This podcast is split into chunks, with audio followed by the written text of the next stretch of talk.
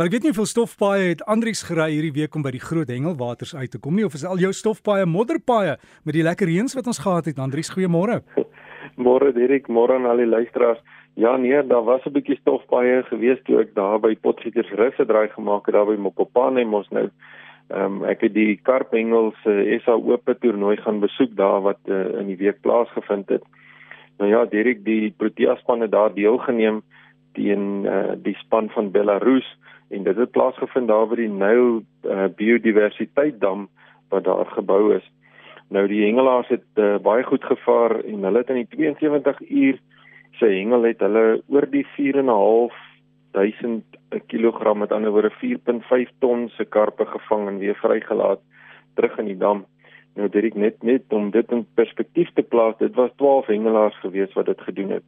So dit was 'n ongelooflike groot aantal gewig uh se karpe wat hulle kon vang.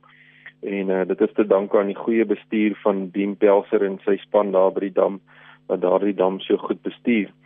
Nou ja, Derek, daar is ook uh, baie mooi uh video wat ek geneem het van wie wessels wat 'n karp daar vang en uh weer so in die sak plaas sodat hulle hom later kan weeg. Luisteraars kan gerus gaan kyk na daardie vinnige video wat ek geneem het hoe wie jy sy vis gespeel het. Ek wil graag dan ook van Johan Hopley en sy span gelukwens met die organisering van die toernooi en natuurlik ook ons Protea span baie geluk met julle oorwinning vir ware goeie uitslag wat julle daar behaal het. Dan luisteraars, die komende Maandag vind die Rotsenstrand Engelse seniors afdeling se nasionale kampioenskap plaas daar in die omgewing van Oos-London. Baie sterkte aan al die provinsiale spanne wat op pad is soontoe.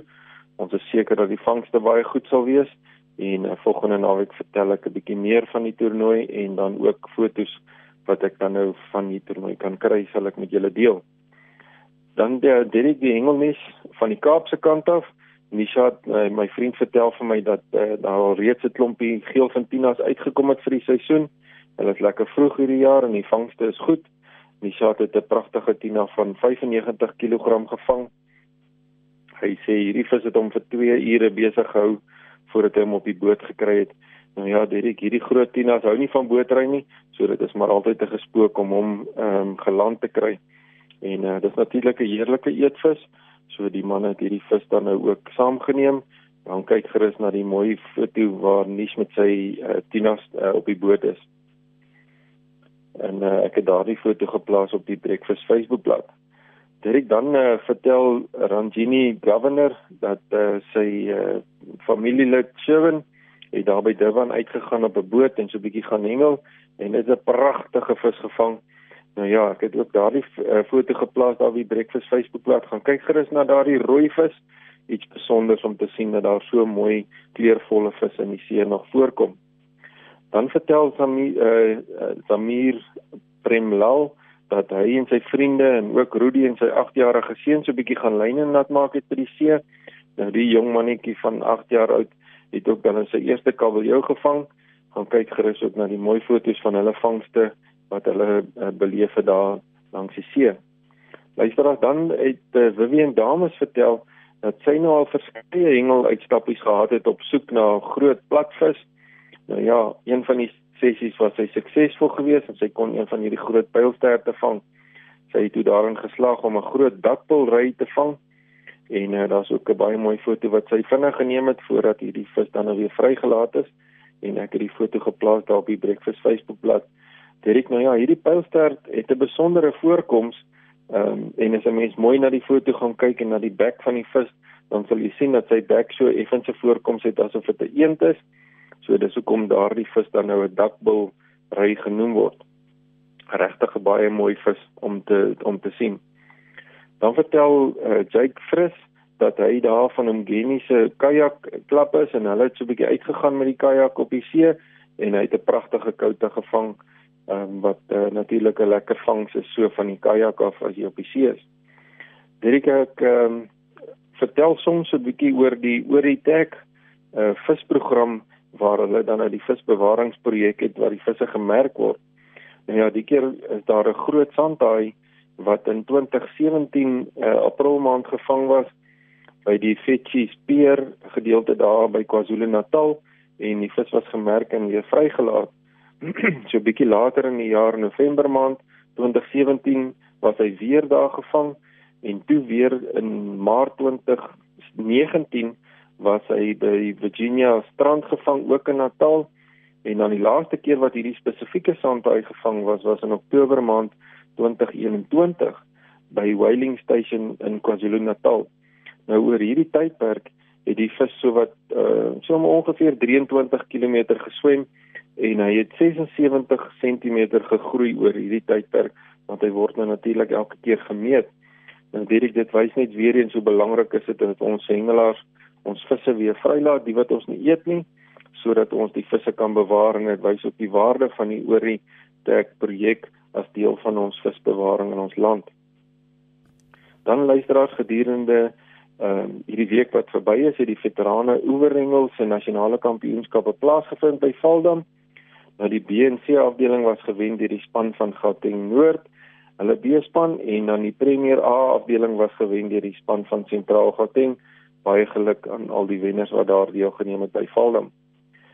Direk dan uh, so 'n bietjie nuus wat uh, vrygestel is, ehm uh, die departement van omgewingsake, bosbou en vissery het 'n kennisgewing vrygestel die 24ste Februarie dat uh, in hierdie en in hierdie kennisgewing is daar bekend gemaak dat die gebruik van hommeltuie vir sosiale hengel onwettig is en die de departement het kennis gegee dat hulle dan nou stappe gaan neem om uh, die wetstoepassing toe te pas uh, vir hengelaars wat hierdie hommeltuie dan nou gebruik om mee te hengel.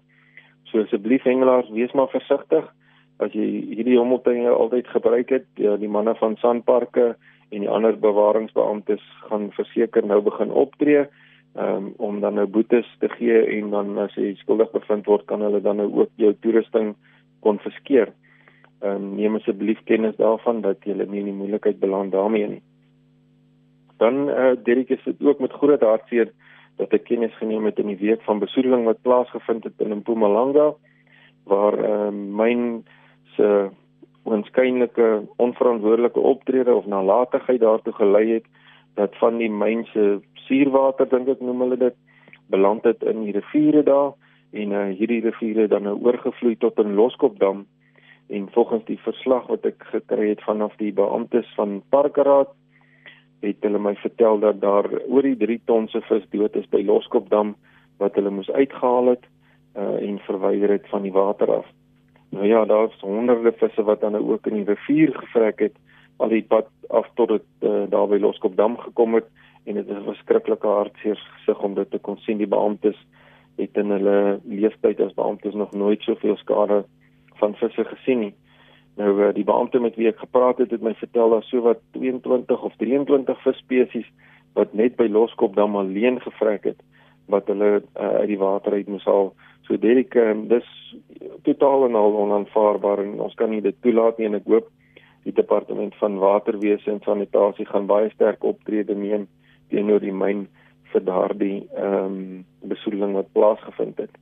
Op daardie slegte nuus en eh uh, Derek is dit uh, al van my kant af en groetnis en vrede aan almal. Andries baie dankie. Andries, ek gaan ek gaan jou vra om vir my miskien net daai verslag te stuur of aan te stuur na omgewingspraatjie Roan Stein, weet hulle met die universiteit kan ook opvolg en en kyk op omgewingsimpak vlak wat kan gedoen word en wat moet gedoen word om dit reg te maak.